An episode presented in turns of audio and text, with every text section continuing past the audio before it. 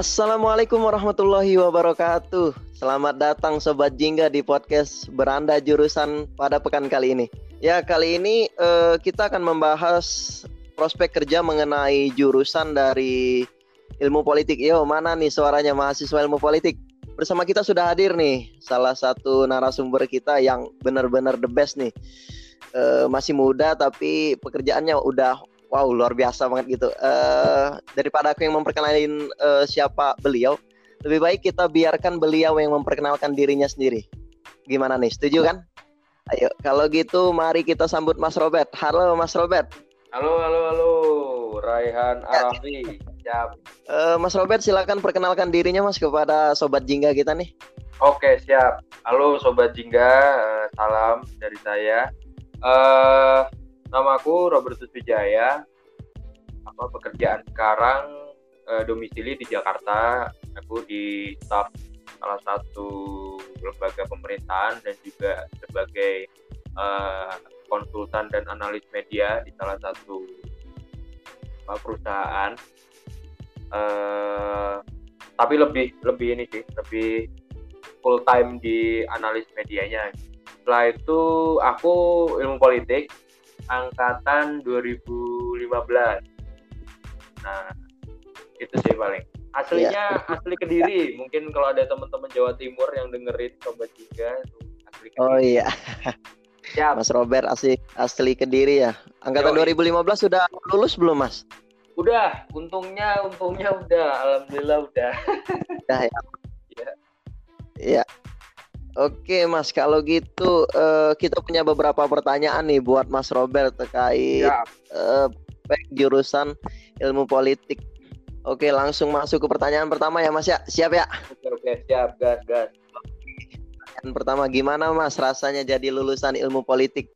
Apakah bisa langsung dapat kerja? Wah, itu pertanyaannya. Itu sebenarnya pertanyaan ya. anu ya. Relatif ya kalau misalnya ditanya ya. tergantung person lagi kembali. Cuma kalau aku pribadi ini eh, sebagai seorang Robertus, gimana rasanya lulus dari lulusan ilmu politik? Ya yang pertama pasti eh, cukup bangga ya, cukup bangga dan tenang karena uh, politik ini passion politik ini passionku dari dulu emang aku pengen masuk ke jurusan ini dan akhirnya sekarang sudah bisa menuntaskan satu uh, milestone kehidupan uh, menyandang gelar sarjana ilmu politik. Itu yang pertama. Itu ya, mendasarnya ya. Terus kalau apakah langsung dapat kerja? Justru aku dapat kerja dari aku kuliah gitu. Jadi aku kuliah itu udah kerja. Begitu lulus lanjut kerja plus dapat kerja yang baru lagi. Jadi kalau dibilangin apa bisa sih dapat kerja langsung lulus jangankan lulus dapat kerja sebelum kamu lulus pun bisa kerja gitu. Dan habis lulus iya. bisa double kerja. Gitu. Itu sih kalau ini kalau aku pribadi nih kalau aku pribadi. Asal niat dan kamu bisa berdiri aja. Paling itu bro. Iya. Asalkan niat usaha bahkan sebelum lulus pun kita bisa langsung dapat kerja ya mas ya? Iya siap. Itu kan kalau katanya teman-teman apa namanya sebelah itu kan yakuza itu bisa juga diterapin itu Oke, ya. uh, berarti itu relatif mas ya, yang seperti mas sampaikan tadi. Uh, ya, benar. Gimana rasanya karena uh, apabila itu passion, uh, mudah-mudahan uh, bangga gitu ya sebagai lulusan ilmu politik. Terus juga apakah bisa langsung dapat kerja itu uh, back to personnya juga ya. Apabila ya. dia punya tekad niat usaha yang kuat, maka mudah-mudahan bisa kayak gitu. Ya sama jaringan bro itu penting. Oh iya betul mas. Benar betul zaman sekarang ini jaringan itu relasi sangat perlu mas ya benar sekali bro oke oke uh, siap kalau gitu kita lanjut ke pertanyaan kedua mas ya uh, oke okay, uh, kira-kira mas nih kalau uh, berdasarkan pengalaman atau pengetahuan mas lulusan ilpol itu punya peluang karir di mana aja mas ya? Apakah hanya di pemerintahan? Uh, cukup banyak ya yang nanya kayak gitu. Khususnya orang yang mungkin nggak terlalu paham jurusan politik apa baru nge oh ada ya. Sebenarnya kalau misalnya terkait sama potensi kerja anak politik itu bisa kerja di mana aja.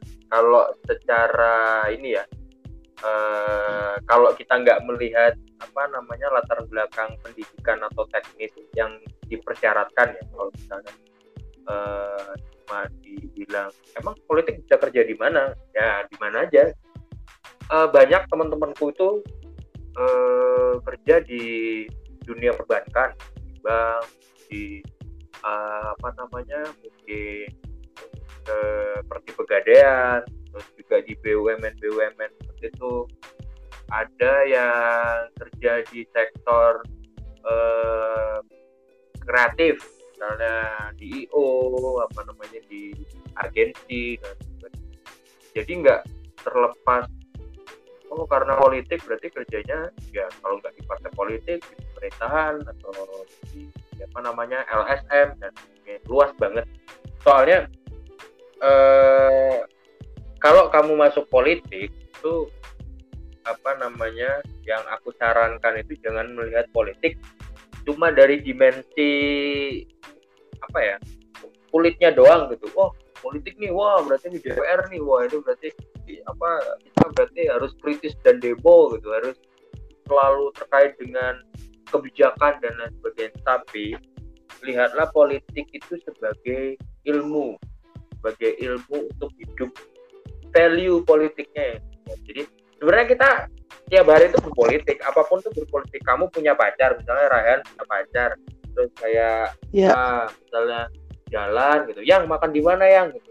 Makan di ini yuk ada masa. Terus kayak buset alamat ada masa. Terus kamu dalam hati wah ini jangan di masa dia lagi gor, lagi kayak misalnya kayak gitu. Terus kamu bilang iya iya. Nah, terus kamu nego kan? Eh kayaknya lebih enak wingstop deh itu kayaknya lagi ada promo terus dah tuh kayaknya bisa lebih ini lebih lebih enak gak sih? Nah itu sebenarnya salah satu proses politik kamu negosiasi dan iya. juga apa ya apa ya uh, mempengaruhi lawan bicaramu demi kepentinganmu itu politik jadi sebenarnya okay. luas siasat mungkin mas ya ya, ya luas kalau misalnya dibilang bisa kerja di mana cuma kalau misalnya mau balik ke core uh, ya apa namanya kebanyakan mungkin di kalau nggak LSM, NGO, pemerintahan atau lembaga konsultan, survei gitu atau akademisi, jurnalis pers gitu. kayak gitu bro.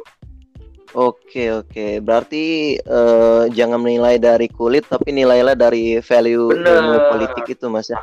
Bukan berarti dia itu mahasiswa politik, terus lulus kerja selalu berkaitan dengan hal-hal yang pemerintahan, ya. politik, kebijakan gitu, enggak mas ya? Nah, soalnya ya. Bisa masuk ke mana aja. Bener. Ya. Soalnya kadang itu yang masuk politik ini bukan masuk politik karena pengen ya, by accident. Kayak misalnya wah aku nggak keterima di kampus A, kampus B, terus pilihan ketiganya ilpol kayak gitu. Itu kan mereka bingung. Padahal bisa kok, kalian bisa kerja di mana aja, yang penting ya sesuai. Oke. Okay. Uh, sesuai sama kompetensi yeah. yang mereka inginkan. Oke, dengan prospek yang luas berarti ilmu pol lulusan ilmu politik bisa masuk ke mana aja gitu Mas ya singkatnya. Ya, benar. Bahkan perusahaan oh, pun bisa, bisa ya. banget, ya, Bro. Siap, siap. Nah. Mas, kita lanjut ke pertanyaan selanjutnya siap. ya. Ini pertanyaannya agak mengupas tentang pribadi Mas Robert. Oke, okay, oke. Okay.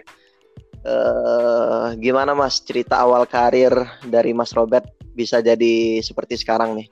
Bahkan tadi Mas ceritakan uh, sebelum lulus pun udah kerja. Nah, itu gimana Mas awal karirnya? Uh, bisa diceritakan Mas siapa tahu bisa menginspirasi teman-teman sobat Jingga okay, gitu. Ya. Uh, mungkin awalnya tuh ya sebenarnya kurang lebih sama kayak teman-teman lain ya maksudnya senior senior politik itu dan juga mungkin jurusan-jurusan lain uh, udah banyak yang sukses sukses bahkan lebih ya cuma kalau aku memulainya dari aktif organisasi itu uh, aku dulu itu waktu maba itu aku membuat sebuah timeline. Jadi semacam target apa achievement aku tiap tahun. Uh, dan aku harus berhenti kapan? Uh, untuk mengejar achievement di kampus. Dalam artian aku stop untuk ikut dengar dengar euforia kampus itu kapan? Kadang uh, teman-teman mahasiswa itu ada yang karena euforia di kampus itu terlalu happy terlalu apa terlarut dalam itu akhirnya mereka uh, apa ya kehilangan momen untuk bisa memanfaatkan posisi mereka ataupun memanfaatkan uh, apa namanya waktu mereka biar bisa mencari tujuan. Aku awalnya maba itu uh, ketua angkatan. Nah itu uh, aku satu tahun itu cuma ikut satu organisasi. Terus tahun depannya aku naik ke band di staff. Habis itu tahun depannya aku maju jadi ketua himpunan Nah di ketua himpunan ini aku mencoba untuk uh, meningkatkan, jadi aku uh, naik menjadi pengurus himpunan uh, tingkat nasional, himpunan jurusan seluruh Indonesia sebagai humas. Nah dari ini dari uh, apa namanya? Aku waktu di himpunan mahasiswa ilmu politik seluruh Indonesia ini di situ aku memanfaatkan kesempatan jadi aku karena pengurus pusat jadi sering ke Jakarta sering kunjungan ke beberapa daerah aku cari jaringan di situ aku cari jaringan cari kesempatan juga di mana uh, terkadang orang-orang politik itu di pemerintahan ataupun di, di partai politik uh, mereka apa namanya cukup fleksibel cukup open untuk menerima teman-teman yang mungkin belum lulus sedang dalam masa studi untuk bisa membantu mereka entah untuk proyek atau mungkin kerjaan mereka secara teknis di kantor dan mungkin pemilu atau pilkada. Dari situ bro akhirnya aku masuk uh, salah satu anggota dewan di DPR RI di fraksi Golkar waktu itu. Dan akhirnya uh, ya udah aku memanfaatkan situasi itu untuk bekerja sekaligus magang sekaligus skripsian di situ. Sampai akhirnya selesai pemilu uh, ternyata cukup baik akhirnya berlanjut. Uh, jadilah pekerjaan awal gitu. Kayak gitu sih bro kurang lebihnya uh, garis besarnya kayak gitu itu sih kalau misalnya oke okay, berarti ya diawali dengan keaktifan mas dalam berorganisasi di kampus benar, mas ya benar benar Iya, kayak tadi jadi staf ahli Bener. BEM ya, terus juga maju ke ke ketua himpunan ya. kayak gitu. Sampai menjadi ketua himpunan nasional oh, Mas ya atau pengurus Kalau tadi. yang di himpunan nasional tuh aku jadi kepala humas. Ya. Oh, ya. kepala humas. Oke, itu aja udah mantep Mas serius. Iya, iya. Emang iya, berarti buat teman-teman mahasiswa baru nih eh, mengikuti organisasi itu juga sangat penting Mas ya, bahkan bisa menjadi salah satu relasi kita untuk mendapatkan pekerjaannya nanti iya, mas ya? iya. bener itu penting banget loh soalnya aku sempat ngobrol sama beberapa HRD HRD di Jakarta sama beberapa teman okay. di DPR ya itu uh, ya. aku nanya kan kayak apa mas lebih seneng teman-teman yang lulus cepat tiga setengah apa tiga koma tujuh atau lulusnya biasa?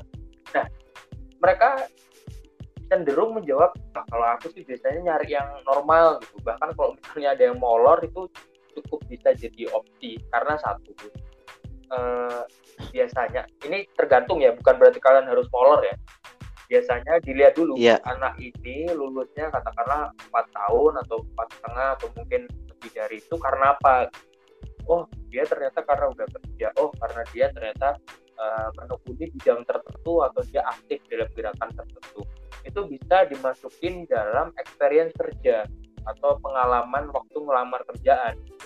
Nah itu penting banget soalnya biasanya eh, aku pengalamanku ini pengalamanku interview eh, untuk pekerjaan itu mereka selain menanyakan pengalaman biasanya memberikan tes seputar skill jadi mereka eh, ngasih studi kasus atau ngasih suatu clue tolong ini dianalisis, tolong ini diselesaikan, gimana problem solvingnya, gimana apa uh, taktik lapangannya dan lain sebagainya. Nah itu kalau misalnya uh, mungkin teman-teman kurang ada pengalaman karena uh, terlalu berkutat apa ya sama studi dan lain sebagainya, belum pernah uh, advokasi atau berorganisasi, itu takutnya jadi halangan untuk kita mendapatkan logika berpikir yang pas di situ.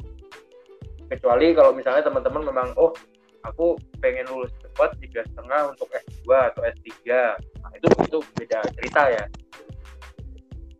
Itu sih kalau Iya. misalnya dari aku ya dari aku sebagai orang yang eh, apa namanya apa namanya lulus agak molor dan sharing sama beberapa teman kayak gitu sih Jadi, tapi relatif sih itu bro Oke, lulus agak sedikit molor tapi pengalaman organisasi full Iya. Mas ya. Itu bakal menjadi nilai tambah Iya. sebenarnya. Daripada maaf nih, daripada maaf Ah. ngomong nih ya, Mas, teman-teman yang terlalu fokus pada bidang akademis, pada studi, pada pelajarannya gitu, IP-nya tinggi tapi lolos, tapi lulus dengan eh, pengalaman organisasi yang minim. Itu berdasarkan pengalaman Mas Robert tadi agak Iya. susah Mas ya kalau mau seleksi soalnya pekerjaan gini, gitu. eh, ini mungkin nggak bisa dipukul rata ke semua fakultas apa jurusan ya Iya, kita harus kembali lagi kita fisik Iya. itu jurusan-jurusannya sosial jadi ya eh, ya perlu kamu juga bersosial dan berjejaring kecuali kalau kamu jurusan-jurusan lainnya berkaitan dengan eksak ataupun ilmu-ilmu ya mungkin eh, yang berkaitan mungkin kedokteran lah atau mungkin teknik nah itu emang kamu kalau misalnya lulusnya lama itu berpengaruh karena kan emang ilmu pasti dan juga umur kan berpengaruh. cuma kalau ilmu sosial ini iya. eh, jaringan itu dan pengalaman di lapangan itu sangat banget membantu di dunia kerja. Iya, betul. Yang dilihat nggak cuma ilmu, mas ya, melainkan pengalaman ataupun skill kita di lapangan iya, gitu kan kan. kita ilmunya ilmu aplikatif. Iya.